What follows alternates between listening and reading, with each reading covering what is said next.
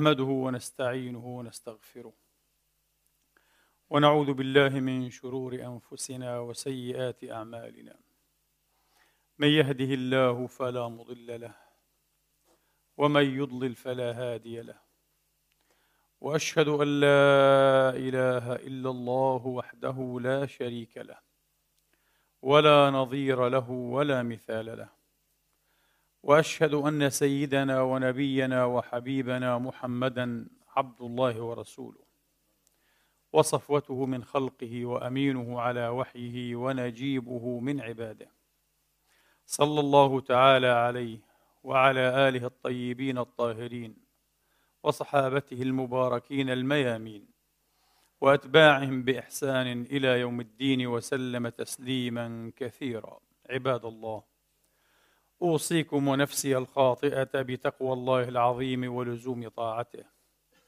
كما أحذركم وأحذر نفسي من عصيانه سبحانه ومخالفة أمره.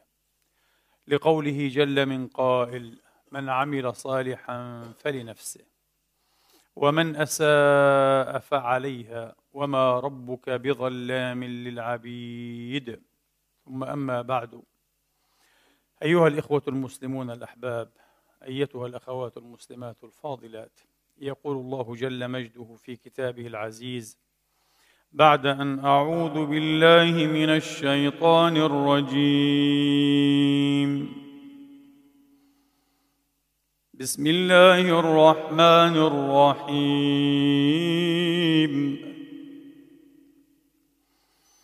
لا خير في كثير من نجواهم إلا من أمر بصدقة إلا من أمر بصدقة أو معروف أو إصلاح بين الناس. ومن يفعل ذلك ابتغاء مرضات الله فسوف نؤتيه أجرا عظيما. فسوف نؤتيه أجرا عظيما. ومن يشاقق الرسول من بعد ما تبين له الهدى ويتبع ويتبع غير سبيل ويتبع غير سبيل المؤمنين نوله ما تولى ونصله جهنم ونصله جهنم وساءت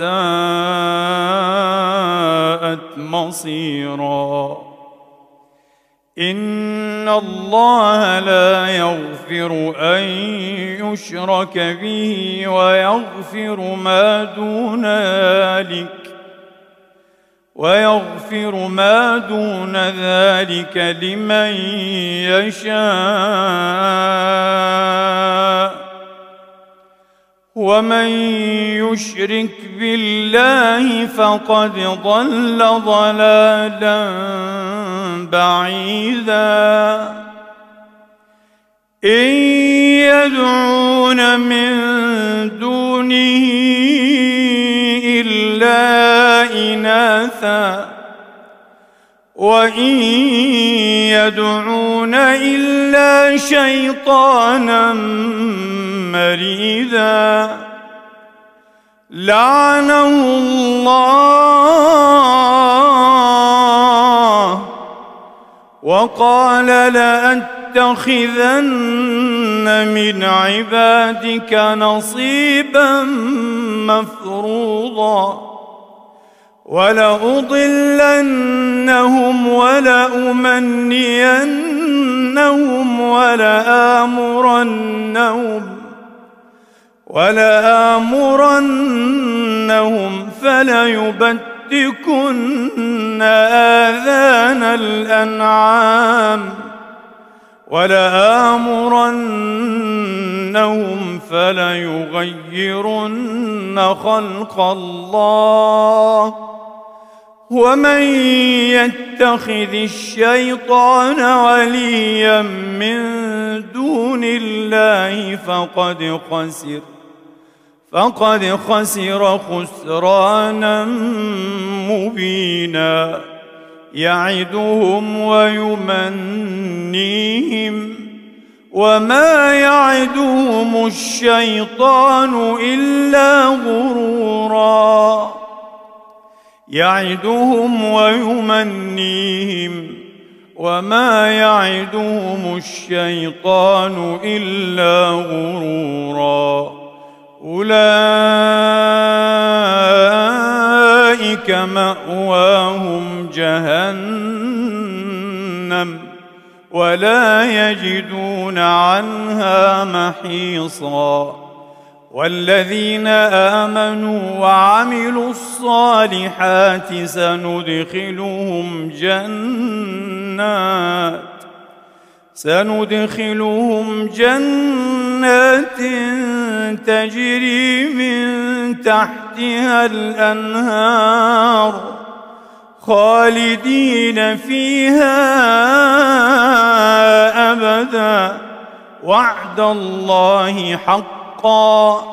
ومن أصدق من الله قيلا. ليس بأمانيكم ولا أماني أهل الكتاب. من يعمل سوءا يجز به ولا يجد له من دون الله وليا ولا نصيرا. ومن يعمل من الصالحات من ذكر أو أنثى من ذكر أو أنثى وهو مؤمن فأولئك يدخلون الجنة يدخلون الجنة. ولا يظلمون نقيرا. صدق الله العظيم وبلغ رسوله الكريم ونحن على ذلك من الشاهدين. اللهم اجعلنا من شهداء الحق القائمين بالقسط. آمين. اللهم آمين. إخواني وأخواتي إن يدعون من دونه إلا إناثا وإن يدعون إلا شيطانا مريدا. لعنه الله. هل تفكرنا في معنى إخبار الله لنا بلعنه أو بلعنته إبليس لعائن الله عليه متتابعة إلى أبد الآبدين؟ رحمة. بعض دلالة هذا الخبر الإلهي العزيز رحمة رحمة بنا. تفكروا وتخيلوا وتصوروا لو أن الله تبارك وتعالى لم يكن قد أخبرنا بأنه لعنه. ومعنى أنه لعنه أنه آيسه من رحمته. وهذا أيها الإخوة يكون تبعا لعلم الله تبارك وتعالى أن اللعين المريد الرجيم يستحيل أن يتوب ويؤوب ويرجع. محال. لكن لو لم يكن تبارك وتعالى أخبرنا بأنه لعنه لاتسعت أبوابه إلى إغوائنا. لتعددت حيله إلى إضلالنا. لأنه ربما أتانا مرة يوسوس لنا. ومن ضمن وسوسته أن هذه الوسوسة هذه المرة في الخير لأنني قد أكون أحدثت توبة. كما يحدث من شياطين الإنس أيها الإخوة أو من ضلال وغواة الإنس يعملون الشر مرارا. وربما عملوا الخير أحيانا لأنهم لا يزالون بشرا. وباب التوبة مفتوح أمامهم. باب التوبة مفتوح أمامهم. إبليس شأن مختلف. شأن مختلف. الله تبارك وتعالى آيسه من رحمته وآيسنا من وهم توبته ومن وهم أنه قد يسول أو يوسوس لنا بخير على سبيل الاستثناء البالغ الاستثنائية. مستحيل. هو لا يأتيك إلا ليشقيك إلا ليضلك إلا ليهلكك. سئل الحسن البصري رضي الله تعالى عنه وأرضاه هل تنام الشياطين أو هل ينام الشيطان؟ قال لو نام لاستراح الناس. فهل نغفل عمن لا يغفل عنا؟ إنه لا يغفل عنا. أعتقد إخواني وأخواتي أن باب التفقه الفقاهة والتدبر والتعمق والتفتيش والتنقير عن إبليس وطرائقه وأساليبه وحيله من أهم ما ينبغي أن يعنى به المؤمن. من أهم ما ينبغي أن يعنى به المؤمن. طبعا لأنه عدو مبين يريد إهلاكنا هلاك الأبد أيها الإخوة. تخيل أن عدوا انسيا يترصدك عند كل قارعة. وعند كل ناصية وفي كل زاوية من الليل والنهار. بلا شك ستكون متاهبا له تماما على مدار الوقت. لئلا تمكنه فرصة من أن يسطو بك. اللعين شأنه أخطر من هذا. اللعين شأنه أخطر من هذا. في نفس الوقت من رحمة الله تبارك وتعالى كما تعلمون وهذا مقرر لدى جميع الموحدين أن الله عز وجل لم يجعل له سلطانا قاهرا مجبرا علينا. ليس له هذا السلطان. فقط هو التزيين والزخرفه والوسوسة والتلبيس والتخليط والتشكيك والتشبيه. وهذا الفقط ليس قليلا. هذا خطير جدا. هذا خطير جدا إخواني وأخواتي. لا نريد أن نطول بالمقدمات للمقررات. هذه مقررات معروفة للكافة. لكن أحب أن نبدأ أيها الإخوة بالجواب عن هذا السؤال. ما هي عدته؟ ما أخطر عدة اللعين في الوصول إلينا في إغوائنا وتضليلنا؟ المعرفة. عدته الرئيسه المعرفة. تماما كالأعداء البشريين. حين تنشب حرب بين أمتين بين دولتين تستحكم العداوة بين قبيلين من الناس ما الذي يحرص عليه كل قبيل كل دولة كل شعب كل أمة؟ معرفة الآخر. اعرف عدوك. لأنه بمعرفته إياك سيرصد ويرقب مواطن الضعف. نقاط الانكسار الهشاشة الثغرات الفجوات. وسيأتيك من خلالها. سيسدد ضرباته وهجماته من هذه الثغرات والفجوات إلى هذه النقاط الهشة. نقاط الانكسار والضعف والانكشاف كما يقولون في لغة العسكرية النقاط المنكشفة. إبليس أيها الإخوة متخصص فينا بدرجة استثنائية. هو عليم. علما بالغا علما حميقا وغميقا بدوافعنا بنوازعنا بحاجاتنا بآمالنا. بآلامنا بطموحاتنا بأطماعنا بخيباتنا. بخيباتنا أيها الإخوة. بوجوه خسارتنا بعلاقاتنا بتحالفاتنا. هذه بأشياء كثيرة جدا. ومن هنا أيها الإخوة اختصارا من غير تطويل من أحسن السبل بعد الاستعاذة بالله والاعتماد على الله. طبعا هو الله في الشأن كله لا إله إلا هو مبتدا وتوسطا ومنتهى على مدار الأنفاس على مدار الأنفاس ولا أقول الساعة. لكن من أفضل واخصر واقصر الطرق أيها الإخوة معرفة النفس اذا معرفة النفس. لا حاجة لي ابتداء أن أعرف إبليس نفسه. هذا لا يعنيني كثيرا. لا يعنيني هذا الكيان اللعين المريد العاتي. ما يعنيني أنا ذاتي. لأن عدته في إضلالي معارفه ليست معرفة واحدة معارفه المركبة المعقدة الدقيقة بي فإذا عرفت أنا ذاتي ونفسي رحم الله امرا عرف قدر نفسي أنا عرفت ضعفي نياتي قصودي أهدافي رغائبي شهواتي آمالي طموحاتي خيباتي انكساراتي هشاشاتي. ما أريد ما لا أريد. إذا عرفت هذا وأمعنت في تعميق هذه المعرفة تعرفون ما النتيجة؟ النتيجة اصطدام كيان وهو كيان رهيب الكيان الإبليسي بكيان آخر. بالمعرفة تصبح كيانا حقيقيا. بغير المعرفة بغير المعرفة أنت توشك أن تستحيل إلى شيء من أشياء الوجود مثل هذا الشيء. وإذا استحلت إلى شيء أو شبه شيء أو شبه شيء يمكن تنقيلك من مكان إلى مكان. اللعب بك توظيفك أن نعمل منك ما شئنا. أن نعمل منك صنما. يعبده الآخرون. تصبح نبية وثنية دون أن تدري. آه. أن نعمل منك عصا. نضرب بها إيه؟ المظلومين المضطهدين المطالبين بحقوقهم دون أن تدري. على فكرة معظم الناس هكذا. ما يقال في اللغة الهيدج الهيدجرية هايدجر الهيدجرية اللغة الوجودية الهيدجرية الأدوات الإنسان الأداة. الإنسان الأداة هو إنسان إبليسي. مسكين. مش مجرد أداة فقط للبشر هو إنسان إبليسي هو لعبة إبليس. كسيده الذي يستخدمه أداة لأن كل من يستخدم البشر أيضا ويتوسل البشر البشر لا يكون وسيلة البشر ينبغي أن يكون غاية. من هنا لعنة الأيديولوجيا.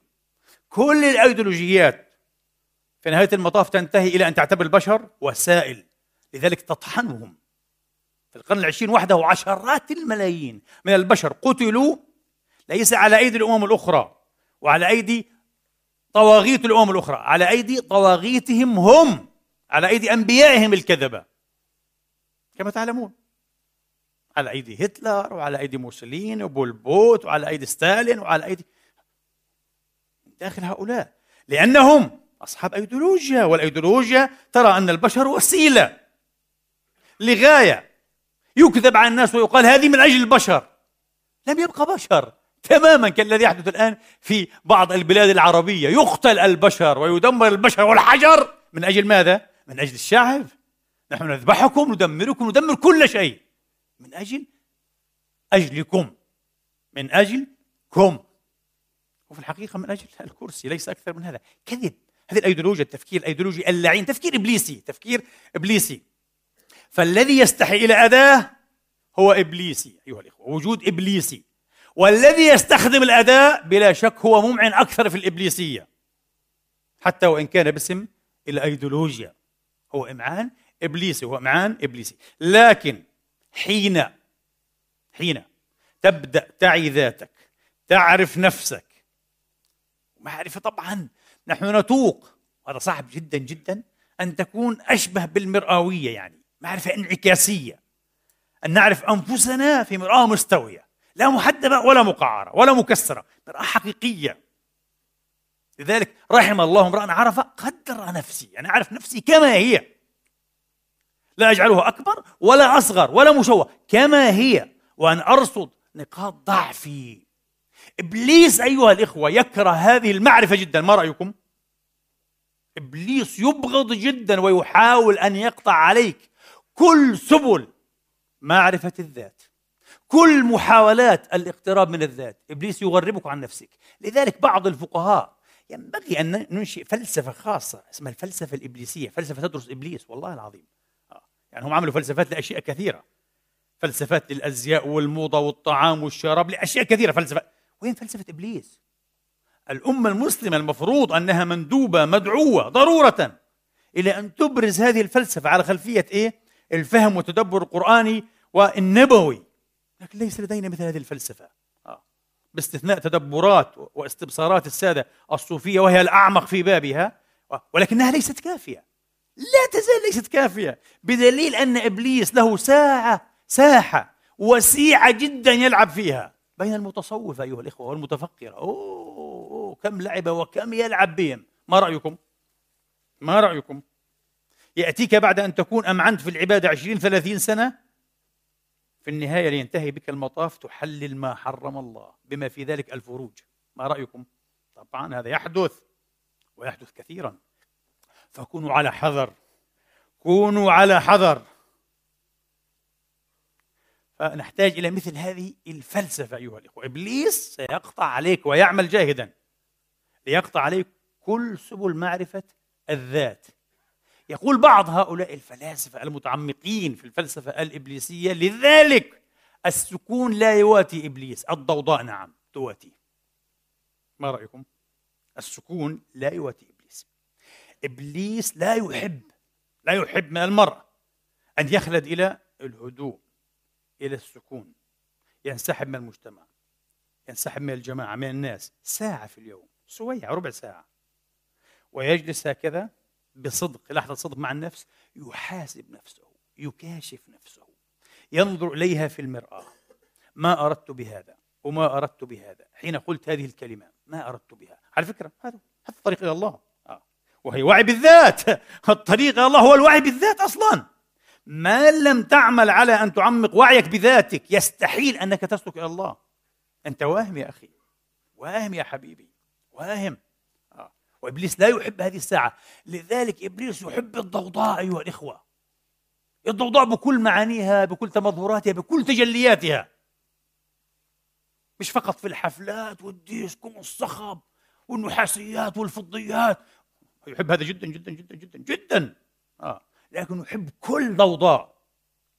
ولو على الأقل في أن يجتمع اثنان أو ثلاثة. يتحادثون في أي شيء في أي شيء. حديث لا طعم له. مذق. حديث ممذوق لا طعم له باهت تافه تضيع قتل الوقت. لكن أفضل من السكون أفضل من الهدوء أفضل من أن تجلس وتتفكر في نفسك. لذلك في كل الميراث الديني التوحيدي اليهودي المسيحي والإسلامي كانت هناك دعوة مفتوحة مؤكدة دائما أن ينسحب المرء ولو سويعة كل يوم وليلة ويتدبر في شأن نفسه أولا. في شأن ما جريات يومه. حاسبوا أنفسكم قبل أن تحاسبوا. وزنوا أعمالكم قبل أن توزنوا. طبعا لو أردنا الآن أن نفصل هذه الجملة الأمر لا ينتهي. يحتاج إلى كتاب كبير كتاب كبير. وسوف يكون هذا الكتاب تقاطع علوم. علم النفس مع التصوف والعرفان مع تدبر النصوص الإلهية والنبوية مع الخبرات الفردية أيها الإخوة. آه للعارفين والأولياء وحتى الخاطئين. والغالطين والتائهين والتائبين الراجعين. سيكون شيئا مثيرا جدا جدا. فقط سأضرب مثالا واحدا. يأسى المرء ويصدم. أحبابي إخواني وأخواتي حين يفكر مثلا وهذا مثال وحيد واحد وليس وحيدا عفوا. مثال واحد وليس وحيدا. في مدى واقعية وصدق الكراهية بإزاء وهمية وزائفية وتقنع المحبة. نوع هذا. دراسة الوعي بالذات. ندرس أنفسنا. ولنطبق هذا. ليطبق هذا كل على نفسه. في حياة الناس أنا لا أتحدث بالمجرد. أتحدث بالعياني بالمشخص بالمعيش. لا. وأما بالمجرد بلا شك بلا شك لا قياس لا مقارنة بين المحبة وبين الكراهية. الكراهية شيء سالب شيء عدمي شيء إفراغي شيء تهديمي. المحبة شيء بنائي وشيء وجودي.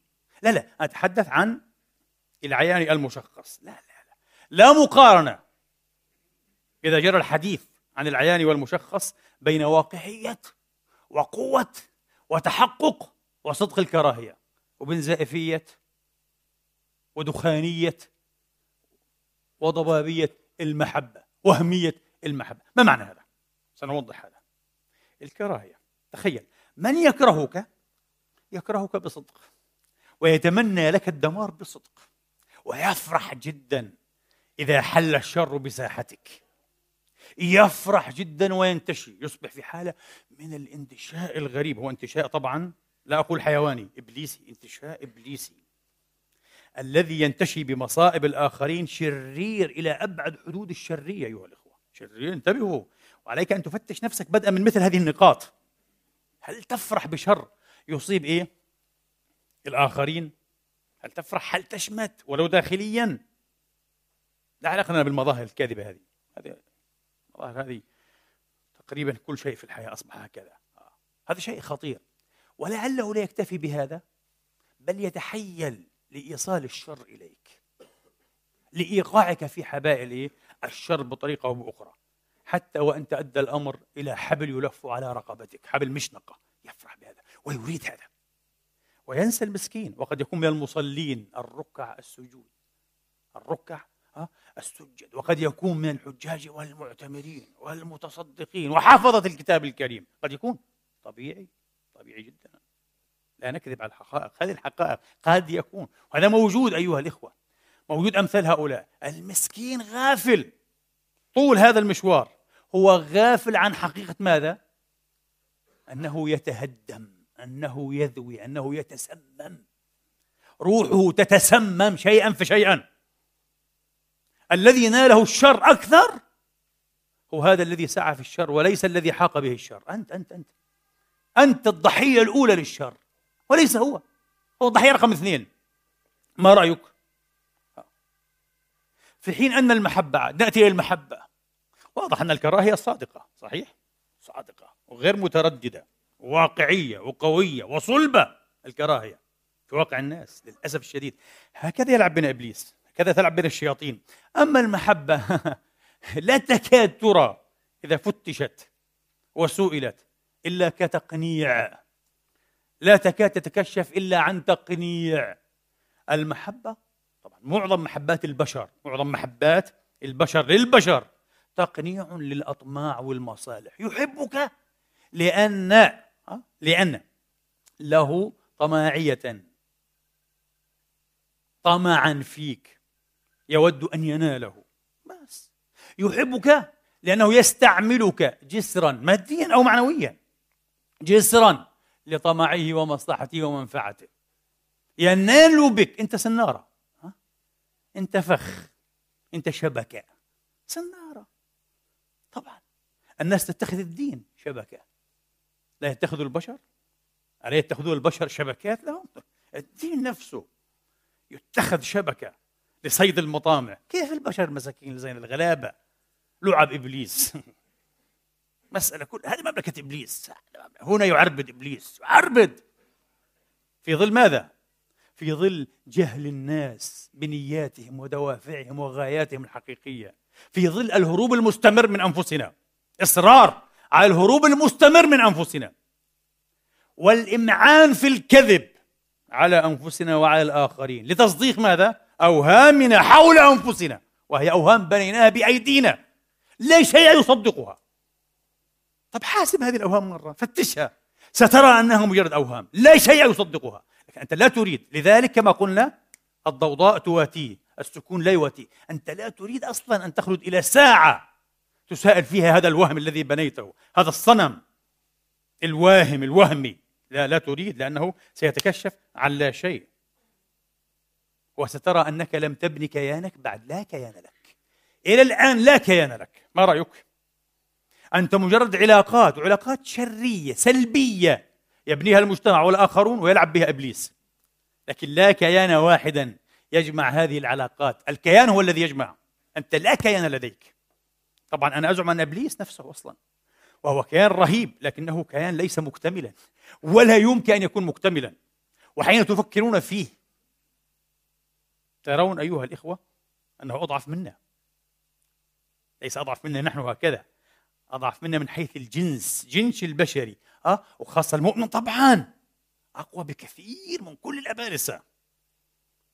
من الأب الأكبر والذرية فنازل أقوى. لماذا طيب؟ نحن نطيع ونعصي. نعصي طبيعا ولو لم تذنبوا لا ذهب الله بكم ولا أتى بأقوام غيركم. يذنبون فيستغفرون فيغفر لهم. نحن نذنب نحن بشر ضعاف. نعرف هذا. ويجب أن نعرف هذا. كما نعرف ونقر أيضا. أننا كائنات كما أقول بتعبير برزخية. كائنات ثانوية. لنا جنب روحية تتوق إلى الأبد وتنظر إلى الغيب. ولا جنب مادية بدنية. تجد لذتها وراحتها ومتعها في المادي الحسي في الأكل في الشرب مواصلة الأهل أيها الإخوة في السمعة في الشهرة في الإنجاز. كلها ألعيب في نهاية المطاف مايا باللغة الهندية كلها مايا هذه مش, مش هذه الحقيقة لأنه كل هذا يزول ويزول سريعا.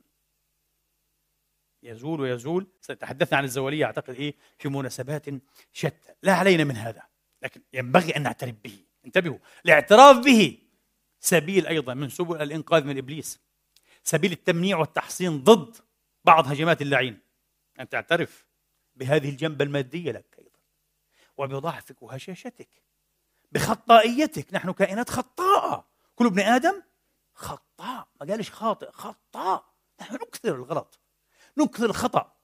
لكن خير الخطائين أيضا التوابون. يجب أن نتوب كثيرا. وتوبوا إلى الله جميعا أيها المؤمنون. حتى أبو بكر رسول الله. حتى أبو بكر. حتى عمر علي عثمان يا رب العالمين حتى هؤلاء. يجب أن يتوبوا كله وتوبوا إلى الله. النبي أمر بالتوبة أليس كذلك؟ وأمر بالاستغفار لذنبه ولذنوب المؤمنين. استغفر لذنبك وللمؤمنين. انتبهوا. يجب أن نكون واضحين أنا بشر نعيش في هذا العالم بهذه الجنبة. نحترم بهذا. وهذا سيضيع عليه أشياء كثيرة. ربما أشرح هذا بعد قليل. كيف؟ يضيع هنشوف طبعا. عكس ما يعتقد بعض الدعاء الكذابين. ليسوا كذابين على الدين فقط وكذابين على الطبيعة كذابين علينا وعليهم. هذا الداعي يكذب على نفسه. لا تحاول أن تفهمني أن الطريق الصحيحة في التعبد والتدين والتديين أن نعيش كائنات روحية. بلا لذائذ بلا متع بلا أشواق دنيوية بدنية حسية. تكذب. مستحيل. إذا دخلت بيتا ووجدت رأسه الأب وربما الأب والأم يصران يصران على أن يكون هذا البيت بيتا مدينا بطريقة تتنكر لهذه الجنبة الحسية المادية. فلا موسيقى لا لعب لا تلفاز لا له. إن هي إلا الصلاة في أوقاتها هذا يؤذن هذا يقيم هذا يؤم. وإن أردنا أن نتسلى نقرأ في كتاب ديني في رياض الصالحين إحياء علوم الدين في الأذكار. هذه الحياة. اعلم أنك تدلف إلى بيت كئيب. بيت تعيس. بيت هو وعد. لا أقول بالانحراف بالخطأ بالانسلاخ من الدين. كل هؤلاء الصغار الفراغ الصغار الأولاد والبنات في لحظة معينة حين يشعرون بأنه يمكنهم أن يفعلوها سيفعلونها. سينسلخون من الدين. هذا تدين كاذب هذا تدين إبليسي. أنا أقول لكم لأنه كذب على الطبيعة وكذب على الشريعة معا. وأن تقولوا على الله ما لا تعلمون. إياكم أن تحرموا ما لم يحرمه الله. لو تفكرتم أنا فعلت هذا وقد أكون مخطئا. أنا تفكرت فرأيت أن الذي يصر على أن كذا وكذا من متع الدنيا محرم. والدليل لا يساعده. الدليل بمنهجية مضبوطة. مش منهجية تلفيق وكذا وحط و... و... مش هكذا. لا لا لا. في منهجية دقيقة لازم في الحلال والحرام. ومنهجية تحترم أولوية القرآن وجامعية القرآن. ما فرطنا في الكتاب من شيء. ما تقول ليش في شيء محرم حيوديك على جهنم؟ ويصب الآنك في أذنيك والقرآن ما تعرضلوش بتاتا. النبي جاء من عنده يعني من عندياته ألف هذا الشيء وين؟ ما فرطنا في الكتاب من شيء. هذا هو الصحيح. أنا أرى أن هؤلاء هؤلاء يمعنون في لعبة إبليسية في جوهرها. هؤلاء في نهاية المطاف لا يعملون على تدين الناس بطريقة صحيحة. يعملون بل يلزون الناس لزا إلى أن ينسلخوا من الدين. بخلاف الخطة إيه؟ التي لا تتنكر للطبيعة والفطرة ولا تفتري على الشريعة. ولا تزيد عليها ما لم يأذن به الله. هذه الخطة تعجز إبليس. تتعبه جدا. تتعبه جدا. ولذلك كل تطرف وكل تزمت عمره قصير. أليس كذلك؟ عمره قصير. نعود إلى ما كنا فيه. المحبة. المحبة التي هي التقنيع أيها الإخوة. تقنيع المصلحة تقنيع؟ للمنفعة. أيضا المحبة تقنيع للجبانة. المحبة تقنيع للجبانة الجبن. تقنيع للجبانة لا للشجاعة للجبانة. كيف؟ أنا أشعر نفسي أوهم نفسي بمحبته لأجد مبررا لي للسكوت عن جرائمه بل لرؤية نقائصه محامد وفضائل. في الحقيقة أنا لا أحبه لو كشفت نفسي لو فتشت نفسي لو فككت مشاعري أنا لا أحب هذا الطاغية. أنا ينبغي أن ألعنه. ينبغي أن أشجبه أن أدمغه أن أصمه. لكنني جبان. والجبان يا إخواني الجبن أو الجبانة هذه ها الجبانة سلاح من أمضى أسلحة إبليس. ما رأيكم؟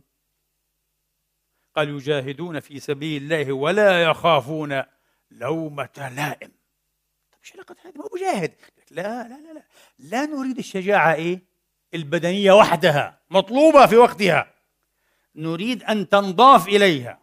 وأن تنضم إليها الشجاعة الأدبية.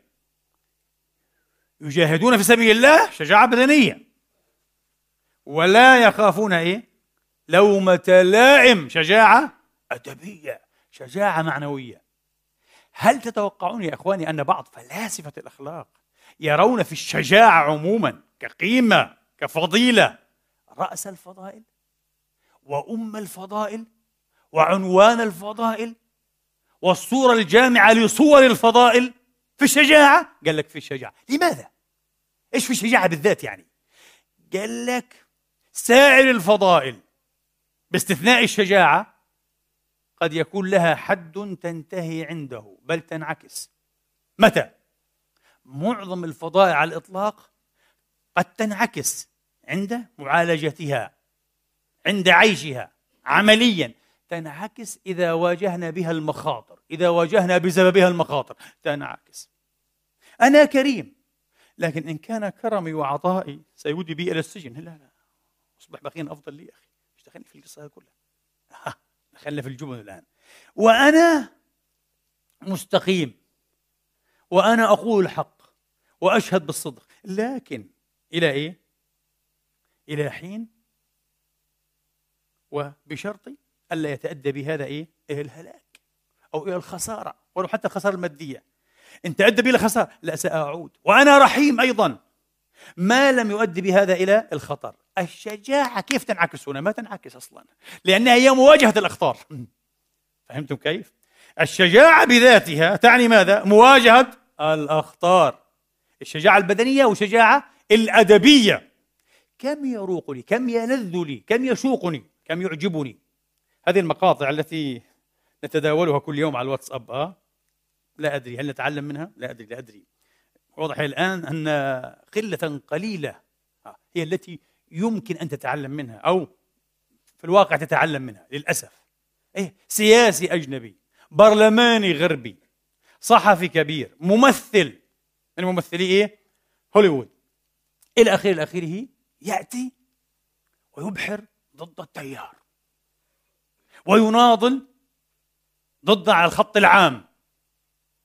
ويغرد بل يطير أيها الإخوة ويحلق خارج السرب.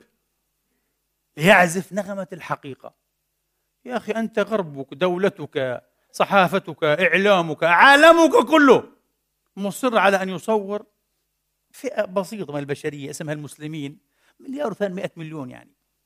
ربع العالم على أنهم قتلة متوحشون مجرمون وبلغة برنارد لويس وميؤوس من شفائهم. فترى هؤلاء الأحرار الأماجد الأبطال الشجعان. يقول لا كلا هذا كذب هذه مؤامرة وهذه سياسة وهذا بترول وهذه منافع. هذه ليست الحقيقة. المسلمون ليسوا كذلك. نفرح جدا نحن. حق لنا أن نفرح. بس انتبهوا. المفروض أن نفرح بأنفسنا. نفرح بهذا. نفرح به وله. لكن من منا مثله؟ وأنا أقول هذا دائما. وهذا يؤسيني ويحزنني. يكبدني. يمررني والله. من منا يستطيع أن يأتي في فضائية أو شاشة سنية مثلا؟ لكي يقول لا. كل ما تقولونه أو أكثر ما تقولونه عن إخوانكم الشيعة مثلا أو الإباضية ليس صحيحا. أنتم تكذبون. أو شيعي في قناة شيعية ويقول غير صحيح. كل ما تقولونه أو أكثر ما تقولونه عن إخوانكم السنة ليس صحيحا. احترموا الحقائق. السنة ليسوا كذلك. السنة ليسوا قتلة.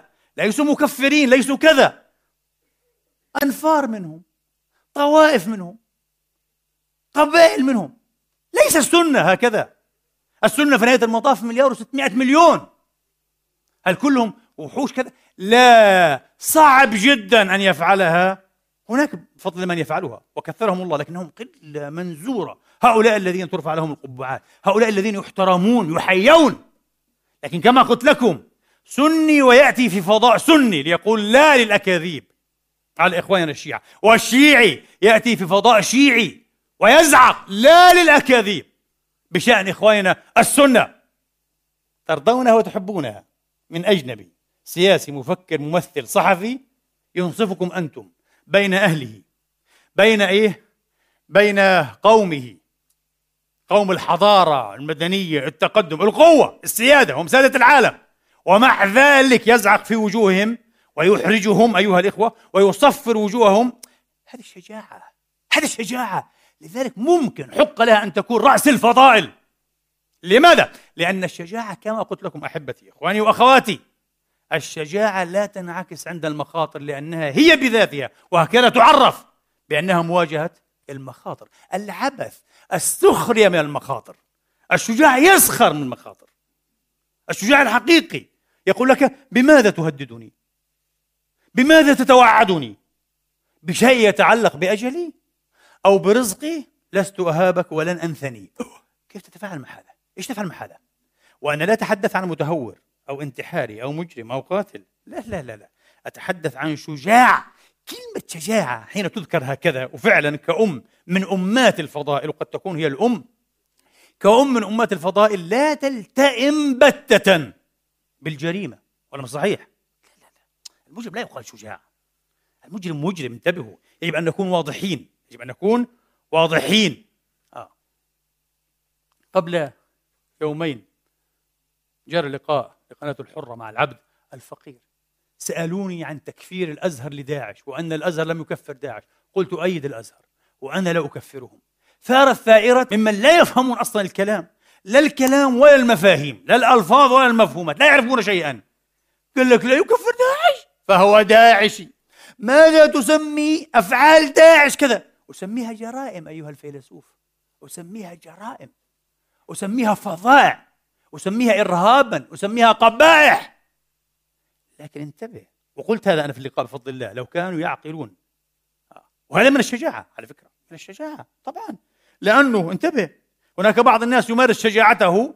آه داعش ملعونة الآن كذا. طبعا أنا سأكفرها وسكذا أنا سأنطق بالحقيقة. لأجل الحقيقة داعش وهذا الظرف كله أنا أقول لكم هذا ومضة في مشوار الزمان كل شيء سينتهي بعد سنوات لن يبقى أحد يتذكر هذه الأشياء لكن تبقى الحقيقة بجلالها برسوخها بجمالها ينبغي دائما أن نتحالف مع الحقيقة أه؟ لنكون صادقين كما قلت ومتحالفين مع ذواتنا مع ضمائرنا تعرف ما معنى أن تسمي الجرائم الداعشية كفرا ما معنى هذا؟ مدات هذا؟ أنك تعمل على خلق دواعش أكثر. كيف طيب؟ كيف؟ تعمقوا شوي. أنا أقول لك مع هذا أنك تقول لمن ليس داعشيا أصلا؟ وليس له أي نزوع داعشي؟ شوف يا ابن الناس تقول له. شوف يا آدمي.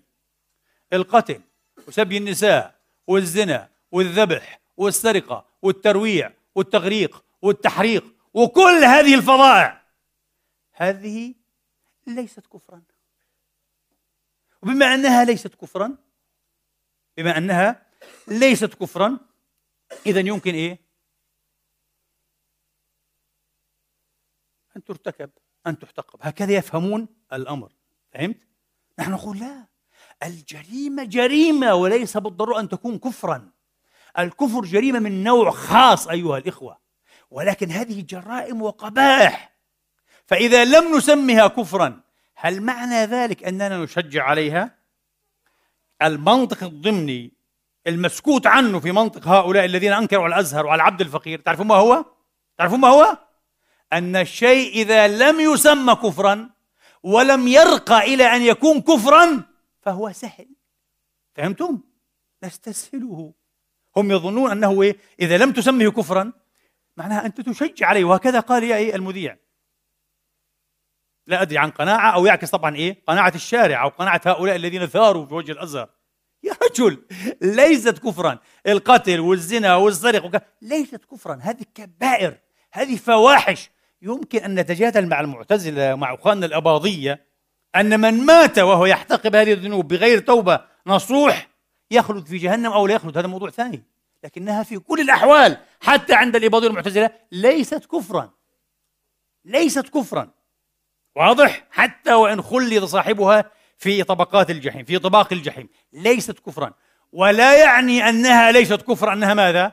أشياء تستسهل وينظر إليها باستخفاف كيف يا سيدي؟ تعرفون ما معنى هذا؟ معنى هذا في ضمنية أكثر في طبقة ثالثة مخيفة مريعة أن لدى المسلمين طريقة في التفكير تقول تقول كل ما ليس بكفر كل ما ليس بكفر فهو شيء يمكن إيه؟ أن يمر. مرروه أليس هذا جوهر التفكير الداعشي؟ هذا جوهر التفكير الداعشي. معناها إذا أصريت أنت علي وعلى الأزهر أن نكفر الدواعش أنا أقول لك والله العظيم أنت في جوهرك داعشي خطير جدا. أنت مخيف مرعب. طريقتك تقول هذا. طريقتك تقول إن كان كفرا سنكف عنه. إن لم يكن كفرا يمكن أن نجرؤ عليه. وهكذا قلتم. هذا شيء مخيف. لماذا يا حبيبي؟ لماذا؟ هل المؤمن فعلا هو وحش من حيث هو؟ بنيته تفكيره توحشي أيها الإخوة افنائي عدمي كارثي. لا يمنعه فقط إلا قضية إيمان وكفر. والكفر هنا أيها الإخوة يتحدد إيه؟ بهذا النطاق كما تريدون. شيء مرعب طريقة مخيفة في التفكير. واضح أنها حيلة من حيل إيه؟ إبليس. اذا أيها الإخوة عودا على بدء المحبة أيضا كما قلت الزائفة الوهمية التقنيعية. قد تكون تقنيعا للجبانة للجبن. لأننا لسنا أولئكم الشجعان لكي نقول للمخطئ أنت مخطئ وللمجرم أنت مجرم. كيف نفعل؟ والإنسان لكي يتزن كل هذه آليات دفاعية طبعا علم النفس يعلمنا هذا. لكي يتزن الإنسان شوف الإنسان صعب عليه أن يواجه نفسه يقول لنفسه هكذا الواحد فينا أنت كذاب في محبتك أنت انتهازي. أنت تدعي أنك تحب هذا الشخص أنت لا تحبه أنت تستعمله أنت اتخذته وسيلة جسرا. أنت تريد أن تستغله. أن تستثمره. مش تستثمر معه حتى تستثمره. لا لا لا. ما في واحد بيقول لحاله هيك. أنت تحبه. ولو سألته يضع لك الخمسة والخمسة الأخرى على المصحف. أنه يحبه. جميل جدا. تعرفون؟ لأنه إلى الآن هو غير واع بذاته. كما قلت يعيش حالة تقنيعية المسكين وإيهامية. حالة من الكذب المعمق بطبقات متراكبة. لكن سنعطيه معيارا لكي يكشف إيه؟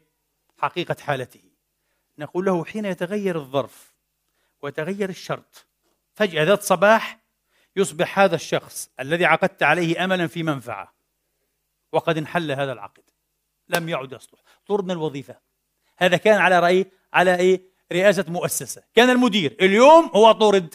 ضبط. متلبسا بشيء معين جريمة إدارية وطرد.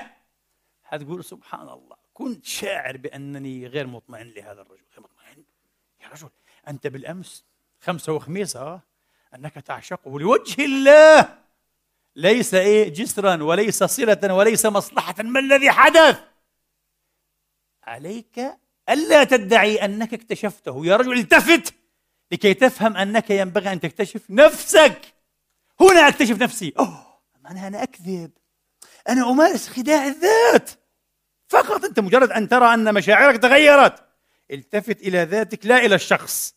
وقل معناها أنا رجل يخادع ذاته بطريقة الذات نفسها غير واعية بها. يا ويلتاه شيء خطير شيء خطير. هكذا يلعب بنا إبليس يا إخواني إذا لم نكن واعين بذواتنا. فهمتوا؟ حتقول لي وعلى هذا النسق بقدر إيه؟ بقدر أقيم صلاتي وذكري وعبادتي وخطبتي ومظاهر الدينية ومظاهر إيه؟ مظاهر الدعوة. كل هذا بقدر إيه؟ اقيمه وأشوف مدى الصدق فيه ومدى التقنيع هذه خطوات في تفكيك الذات طبعا. خطوات في معرفة الذات. نعم. وهذه خطوات في تحسين الذات. ضد مين؟ ضد إبليس. ضد الهجمات الإبليسية. كلما عرفت نفسك أكثر كلما تحصنت إيه؟ أكثر ضد هذه الهجمات الإبليسية. صرت منيعا بإذن الله تبارك وتعالى. صرت منيعا. ذات مقابل ذات. كيان مش شيء. كيان إنساني. آه، مقابل كيان آخر. أنا لم أكمل لكم. قلت لكم انتبهوا. الله برحمته. حاشا الله في ناس يقول لك إيه؟ طب ما القرآن أخبر أن معظم الناس كذا وكذا. طيب. أنا أقول لك وبالعقل فكر. وعلى فكرة العقل عدو كبير لإبليس. إبليس لا يحب العقل. انتبهوا. لا يحب التفكير المنظم. إبليس يحب التفكير المشوش والمرتبك. على فكرة بقول لك إيه؟ لا تتفلسف. وما قل ودل. نزعة إبليسية. صدقني. نزعة. لا تفلسف. تفلسف وتفلسف وتفلسف. وعند الوقت. وتعمق وتعمق وتعمق. وإكشف طبقة عن طبقة. طبقة عن طبقة. أحب أن أعي ذاتي أولا. فكك من هذا كله. ما بتحتاجه. عندك حدس أنت أنت وشن. انت عندك حدس قوي. أنت تفهم ما لا يفهمه هذا الفيلسوف أبو عشر شهادات. إبليس إبليس الآن إبليس. تعرف لماذا؟ لأنه يرتعد فرقا. يرتجف خوفا. آه؟ من ماذا؟ من تفكير منضبط دقيق ممنهج. يحب ماذا هو؟ يحب الإرباك. من سوء حظنا كبشر مش بس كمسلمين. وكمؤمنين من سوء حظنا كبشر أنه يجد عونا كبيرا في الإرباك اللغوي في التشوش اللغوي الناجم من اقتصاد اللغة كما قلت مرة. اللغة كي تؤدي وظيفتها وتشتغل لابد أن تكون اقتصادية. لا يمكن. قلت مرة ضربت مثلا بسيطا تخيلوا لو أن اللغة طورت تعبيرات ومصطلحات تلاحق بها كل حالات التعلق والشغف. تصبح يعني شأنا غير مقدور عليه. فبده يصير حبك لله. له اسم خاص. وحبك للرسول اسم خاص. وحبك للأب اسم خاص. حبك للأم اسم خاص. للزوجة للصديق للأولاد الذكور الأولاد البنات ها أه؟ للملوخية للعلم للمنبر. للسجادة هو الحمراء هنا. إيه 50 مليون شيء نشغل به ونحبه صحيح؟ بده كل شيء له إيه؟ مصطلح خاص. أما تقول له هذا كله حب, حب الملوخية وحب الله. في في أرباك رهيب هنا آه؟ آه. مثل هذا بس هذه اللغة عشان نقدر نتواصل بها مش فاضيين إحنا. آه. مثل هذا الأرباك أيها الإخوة في النسب التقييدية في النسب التقييدية كالنسبة الإضافية. مضاف ومضاف إليه. يقول لك إيه؟ يقول لك جاكيتي. أي جاكيتك. وبعدين إيه؟ ومسجدي. مسجدك. وسيارتي. وحذائي. ومطبخي. وزوجتي. وأولادي. وأبي. وأمي. ودخلنا في الخطر الآن. ووطني. وشعبي. قشعر بدني والله. في شيء اخطر من هيك. وديني. ديني. أها. خطير. دخلنا في شيء خطير الآن ها. آه على حواف. أشياء مخيفة. وربي. حبيبي. وإلهي. شفتوا النسبة التقييديه لا إله إلا الله. تتحدث عن إلهي. بنفس الطريقة. تحدث عن ماذا؟ أبي وأمي وشعبي وكذا. مش حتحدث كلمة ثانية. وكتابي. كله نسبة تقييديه ولذلك ما لم تكن واعيا بذاتك عارفا بالحدود. سيخيل إليك بفضل الإرباك والتشوش الناجم من هذه النسب التقييديه المبنية على أساس الاقتصاد اللغوي. أن الله في نهاية المطاف شأن يخصك. وكما أقول دائما أنا بجراءة لا أدري أنقم عليها وأحسد عليها. أنه تقريبا كلنا بارعون في أن نخلق صورا لله نقد صورا لله كل منا على قد نفسه. الإله الخاص بك أنت. وتزعم أنه آه هذا رب العالمين. لا هذا ربك أنت. هذا إله العالمين. إلهك أنت. الذي قددته على إيه؟ على قد هواك وحقدك وضغينتك وطمعك وضعفك ورغائبك أليس كذلك؟ هذا الإله الذي سمح لك أن تبغض من أحبه الله وما أحبه الله وأن تلعن من باركه الله. تتكلم بسم الله. شوف خطورة خطورة خطورة. أنا موقفي هذا كمتكلم في الدين. والله العظيم لا أحسد عليه. خطر جدا يا إخواني. خطر جدا. ولذلك دائما نحن مندوبون أيضا إلى أن نبدأ بماذا؟ بالبسملة. والحمد لله. وإذا شعرنا بالنزغ أن نستعيذ أه؟ وإما ينزغنك من فاستعذ بالله إنه هو السميع العليم. الوضع خطير. الكلام بسم الله. وعلى فكرة كلما إيه أمعنت في أن تتكلم بسم الله هذا يأتي انعكاسا لهذا الإرباك والتشويش أه؟ في الإضافة. ربي! ديني كتابي. شيء خطير جدا. مقدمة لماذا؟ للفعل بسم الله. للفعل نيابة عن الله. والفعل نيابة عن الله ماذا يعني في الأخير؟ خلط إرادتك بإرادة الله. إيش خطير جدا. وقعنا في المحظور. وقعنا في المحظور. إبليس يجد هنا منبعا لا ينضب يا إخواني. والله العظيم. ومصدرا ثرا غزيرا فوارا. لإضلال البشر. سأختم بمثال واحد في هذه الخطبة إخواني وأخواتي. بعض الناس تجده يقنع أيضا عجزه عن الإغاثة أن يغيث الملهوفين عن النصرة أن ينصر هؤلاء المستضعفين المظلومين عن التواصل معهم. عن محاولة معايشة جانب من مأساتهم وآلامهم. هو لا يقدر على شيء من هذا. لسبب أو لآخر. يقنع هذا كله بماذا؟ بالله. لأن الله قال وما أصابكم من مصيبة فبما كسبت أي الله لا يقيمهم.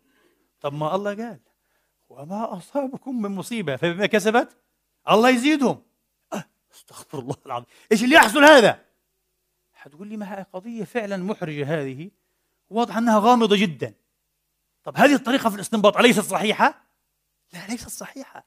طب هو يستشهد بنصوص؟ يستشهد بنصوص. تعرفون وين مكمن الخطأ هنا عاد؟ وهذا مش مكمن هذا مولد جنريتر هذا مولد لأخطاء سلسالية لن تنتهي. حتى تنتهي بك زنديقا. تنتهي بك متألها كاذبا.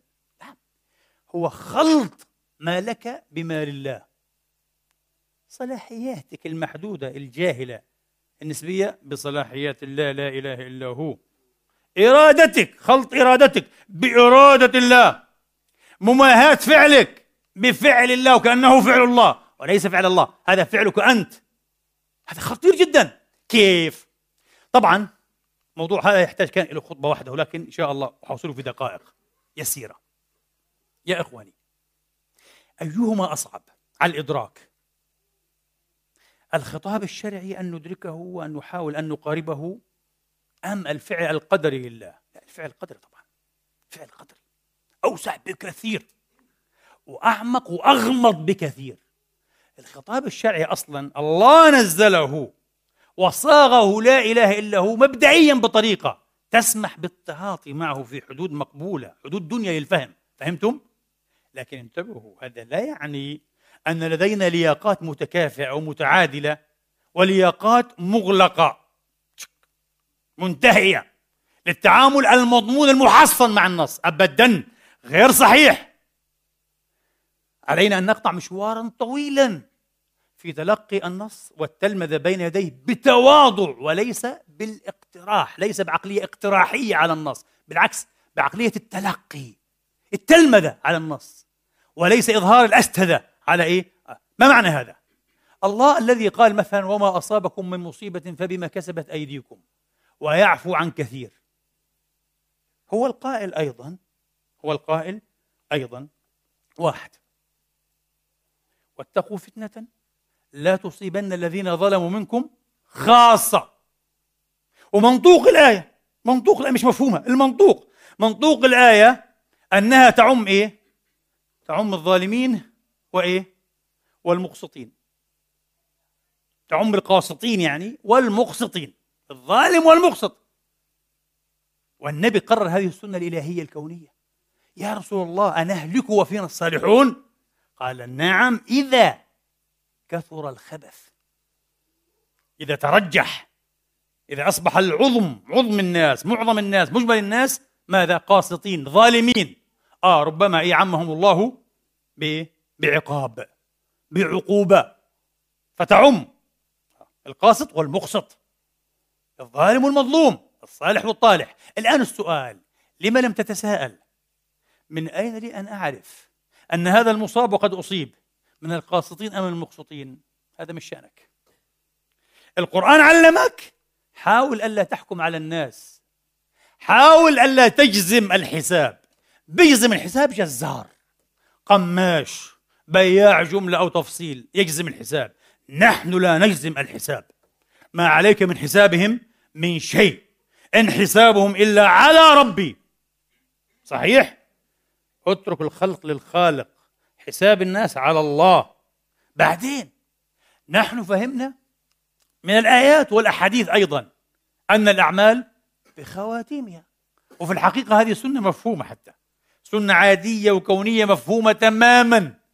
يعني واحد عبر كل الاختبارات التستات يعني في السنة كان ما شاء الله متفوقا. في الامتحان آخر السنة رسب هو راسب سيعود السنة. الأعمال بخواتيم أليس كذلك؟ إنسان قطع معك إيه؟ خمس سنوات صديقا مخلصا وفيا. انتهى بمتآمر عليك يريد أن يقودك إلى حبل المشنقة.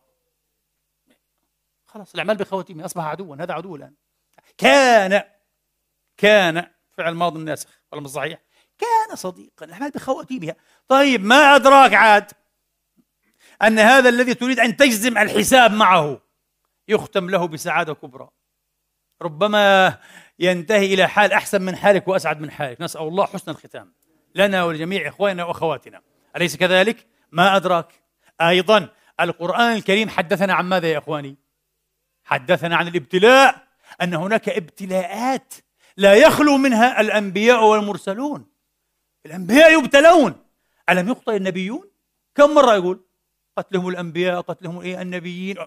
أنبياء قتلت يا أخي. رسل. ألم يطردوا من ديارهم؟ ألم يوجعوا في إيه؟ في أموالهم في أزواجهم في أولادهم ذرياتهم؟ حصل حصل. ابتلاءات. ما أدراك أن هذا المسكين ليس مصابا بمصيبة إيه؟ عقوبة إنما إيه؟ ابتلاء ما أدراك. أنا أقول لك عاد خلط الفعل وخلط الإرادة واللعبة الخطيرة الإبليسية هذه لعبة تنزعك من إنسانيتك وتحولك إلى كيان شري كيان إبليسي يشمت بمصائب الآخرين أو لا يباليها. واللامبالاة قاسية جدا لغاية أن أحد العباقرة قال ليس ضد المحبة الكره. ما رأيكم؟ مش شرط أن الكراهية هي ضد المحبة تعرفوا إيش ضد واحد يقول لك إيش التخبيص هذا كيف؟ أيه بتعرف لأنني قد أكرهك لأنني أحبك أتوهم أنني أكرهك من فرط حبي لك كما يحدث بين الزوجين أليس كذلك؟ على فكرة لو وجدت محبين حصل بينهما نزاع ووجدت إيه؟ أحد الطرفين أو كلا الطرفين يثور دائما على الآخر بعد النزاع ويصر ويعلو صوته. اعلم أنه لا يزال يحبه. تعرف متى توقن أنه كف عن حبه؟ إذا هدأ تماما. وجاءه إيه؟ الحبيب الأمس. وكذا. لا بأس. افعل ما تريد. أنت في حل من حبي ومن قلبي. من عقد إيه؟ محبتنا. اذهب. هذا معنى أحد إيه؟ العباقرة حين قال ليست الكراهية هي ضد المحبة إنما اللامبالاة فاهمة اللامبالاة هي ضد المحبة. حين لا يب ولذلك اللامبالاة شيء قاسي جدا. رحمة الله على علي عزت بيجوفيتش. حين قال لو خيرت بين الكارثة وبين اللامبالاة لاخترت الكارثة. إنسان واع بإنسانيته واع بأنه لا يمكن أن ينقلب كيانا إبليسيا. لا هو كيان إنساني وما دام إنسانيا فهو يبالي إخوانه البشر هو يحبهم ويحب لهم الخير. هكذا خلقنا. خلقنا من نفس واحدة. أليس كذلك؟ الله يقول هذا. ينبغي أن نبقى كنفس واحدة. حدثتكم مرة عن خلايا إيه؟ المرئوية في أدمغتنا. الميرور نيرونز. خلايا العصبية المرئوية حين ترى سعيدا تسعد. حين ترى شقيا يتطرق إليك الشقاء.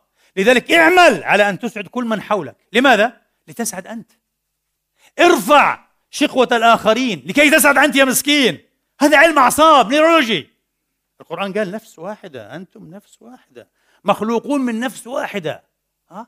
وستبعثون وتجزون أيضا كنفس واحدة ما خلقكم ولا بعثكم إلا كنفس واحدة. وإحنا من نفس واحدة وفينا هذا الواحد متكرر دائما صحيح؟ هذا الجامع المشترك هذا الجامع المشترك.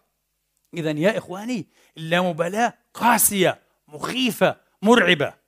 أقول قولي هذا وأستغفر الله لي ولكم فاستغفروه.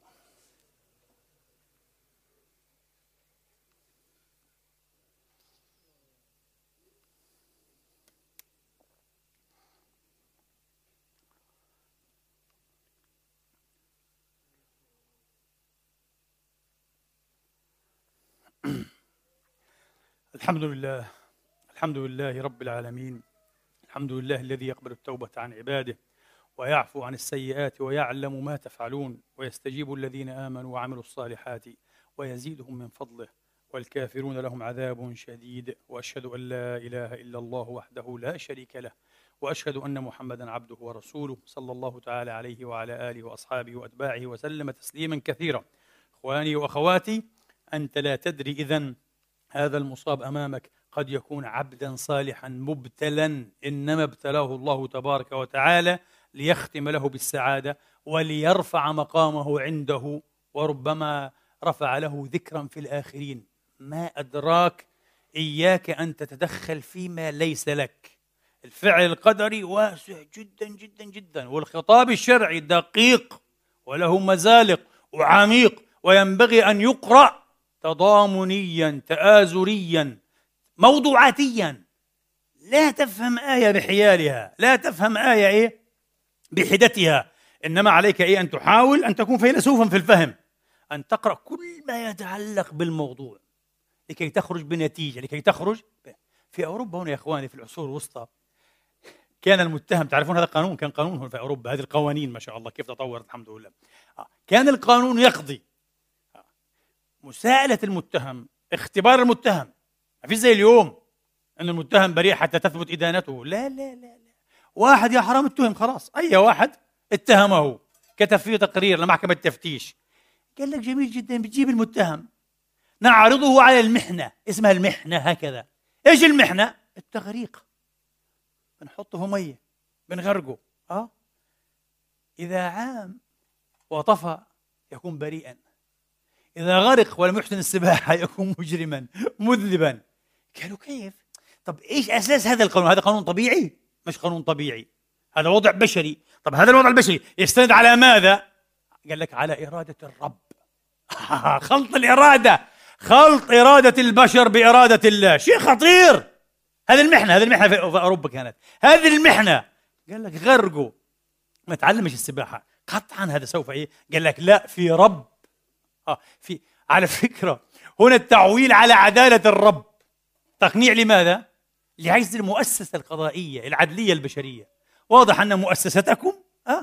ضعيفة تماما متهالكة غير صالحة وغبية صحيح؟ لا تستطيع أن تحقق العدالة شوف بين نظرية إن جاز أن تسمى المحنة نظرية بين نظرية المحنة في أوروبا الماضي وبين نظرية جون رولز في القرن العشرين إشي نهاية الإمتاع إن شاء الله إن شاء الله أعدكم أن أحدثكم عن جون رولز لأنه ما في واحد ما في حدا الآن بيتكلم عن العدالة في العالم إلا يقول إيه؟ جون رولز جون رولز جون رولز العدالة. العدالة كإنصاف. العدالة ك... شوف على جون رولز وكيف بتحدث عن تأسيس العدالة ومبادئ العدالة وقناع الجهل. وإيه معنى قناع الجهل؟ في الوضع الأصلي للبشر. إشي في منتهى الدقة والعمق والإنسانية؟ شيء مش طبيعي. أعظم نظرية, إيه؟ في آخر أربعين سنة هذه. على الإطلاق في العدالة ونظرية المحنة. تقنيع! جاء الإنسان خلع هذا القناع داسه بقدمه قال لك لا علي أن أعتمد على ماذا؟ على لطف الله الذي وهبني إياه على العقل على الذكاء على المنطق وعلى الضمير الصاحي اليقظ ضمير الأخوة الإنسانية الواحدة المجتمع الواحد أبناء الأسرة الواحدة لكي أؤسس العدالة على أسس قوية راسخة متينة بحيث لا يظلم ضعيف. ولا يظلم صاحب إيه؟ آه حيلة قليلة أو بلا حيلة. هذه نظرية إيه جون رولز بتبسيط مخل طبعا جدا جدا جدا. ونظرية المحنة في التغريق اتكالا على إيه قال؟ عدالة السماء. لو الله يعلم أنه بريء هو إيه؟ سيعوم سيطفو. وإذا كان الله يعلم أنه مذنب حتما إيه؟ طب في السؤال لماذا لم يعكسوا؟ لماذا لم يقولوا إذا كان إيه؟ بريئا سيغرق؟ وإذا كان متهما إيه؟ سيطفو. لأنها تعيدهم إلى المربع إيه؟ الأول. طب هذا أصبح إيه؟ متهما الآن. طب كيف سنقضي فيه طيب الآن؟ مرة أخرى. فلذلك عكسوها يعني.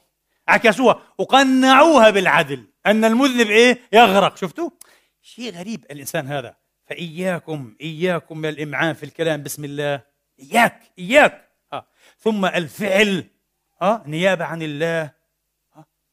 فعل نيابة عن الله وخلط الإرادة بإرادة الله أنا أقول لك اجعل استجابتك لمصائب الناس لامتحانات الناس لكوارث البشر على نحو هذا مبدأ هذا مبدأ تأسيسي على نحو يعزز إنسانيتك.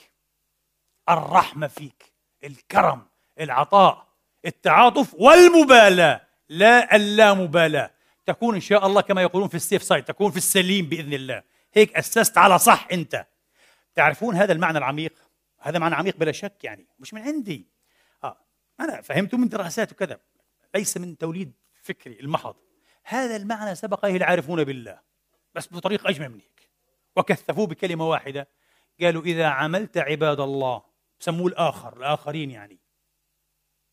فتحقق. وإذا عاملت نفسك فتشرع. ليش طيب؟ هذا يفسره ما ذكرت لكم قبيل قليل أن التحقق دائرته أوسع وأعمق وأغمض أوسع بكثير من إيه؟ من التشرع ولذلك إذا عملت الآخرين بتحقق ستلتمس لهم ماذا؟ المعاذير ستحتمل إيه؟ أفعالهم على أحسن المحامل ستحاول كما أقول أه تدرك مشروطيتهم. أن تدرك دائما إيه؟ أنهم مشروطون. وما لو كنت ربما في مثل وضعه لكنت أسوأ من ما يدريني ولا صحيح. وإنما الناس إيه؟ مبتلا ومعافا كما قال عيسى عليه السلام في موطأ مالك من بلاغات مالك. إنما الناس مبتلا ومعافا فاحمدوا الله على إيه؟ العافية. وسألوه الرحمة إيه؟ لأهل البلاء. سألوا الله الرحمة إيه؟ بأهل البلاء. هذا تحقق كله. هذا إيه؟ وجاء الشريعة أيضا إيه؟ تساعده. لكن عامل نفسك بتشرع. يعني معاملة ماذا؟ دقيقة شحيحة معيارية قانونية.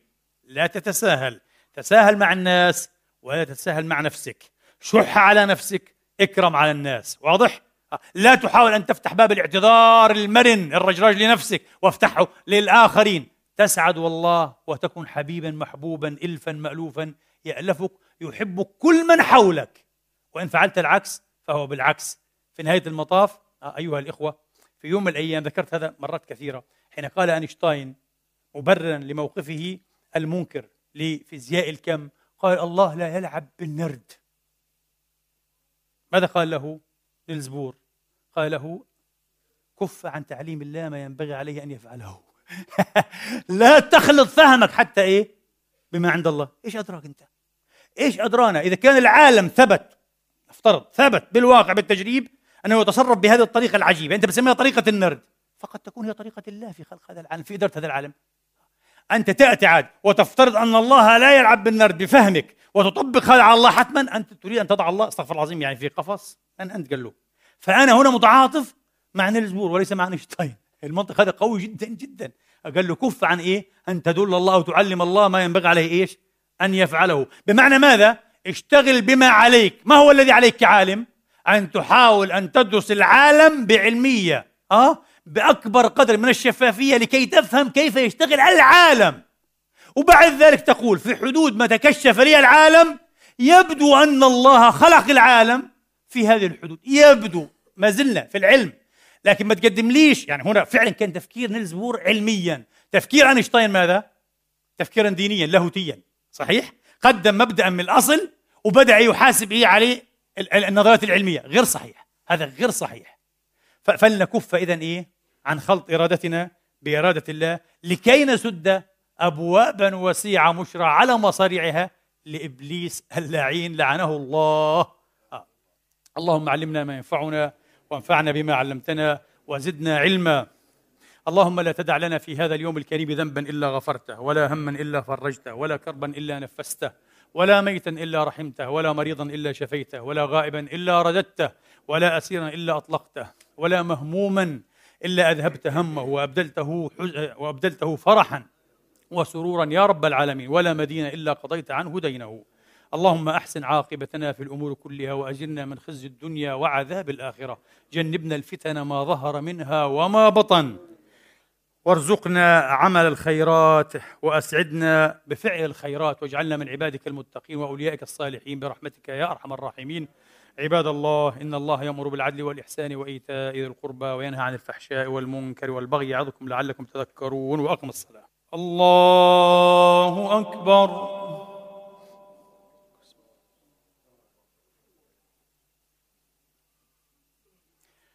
بسم الله الرحمن الرحيم.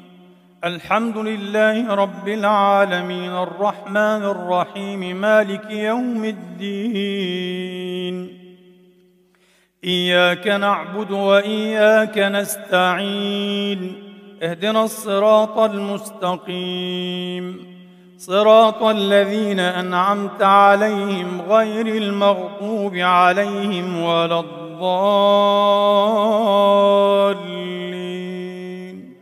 آمين.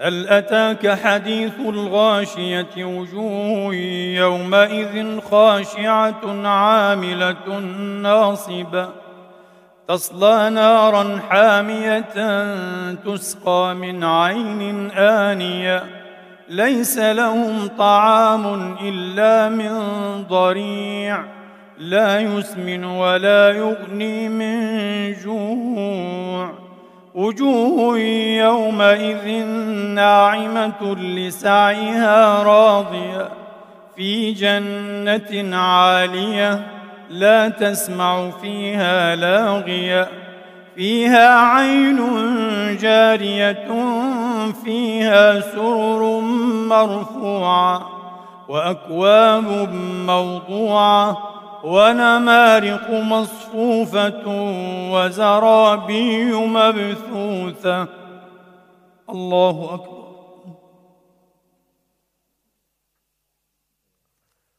الله أكبر. بسم الله الرحمن الرحيم. الحمد لله رب العالمين. الرحمن الرحيم مالك يوم الدين. إياك نعبد وإياك نستعين. اهدنا الصراط المستقيم. صراط الذين أنعمت عليهم غير المغضوب عليهم ولا الضالين. آمين.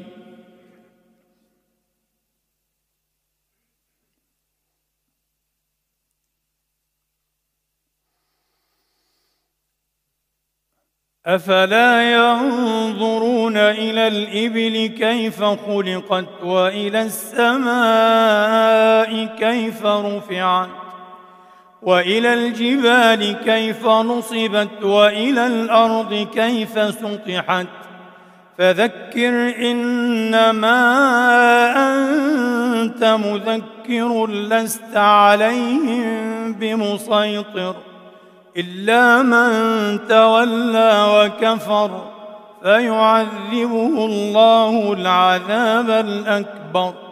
إن إلينا إيابهم ثم إن علينا حسابهم. الله أكبر.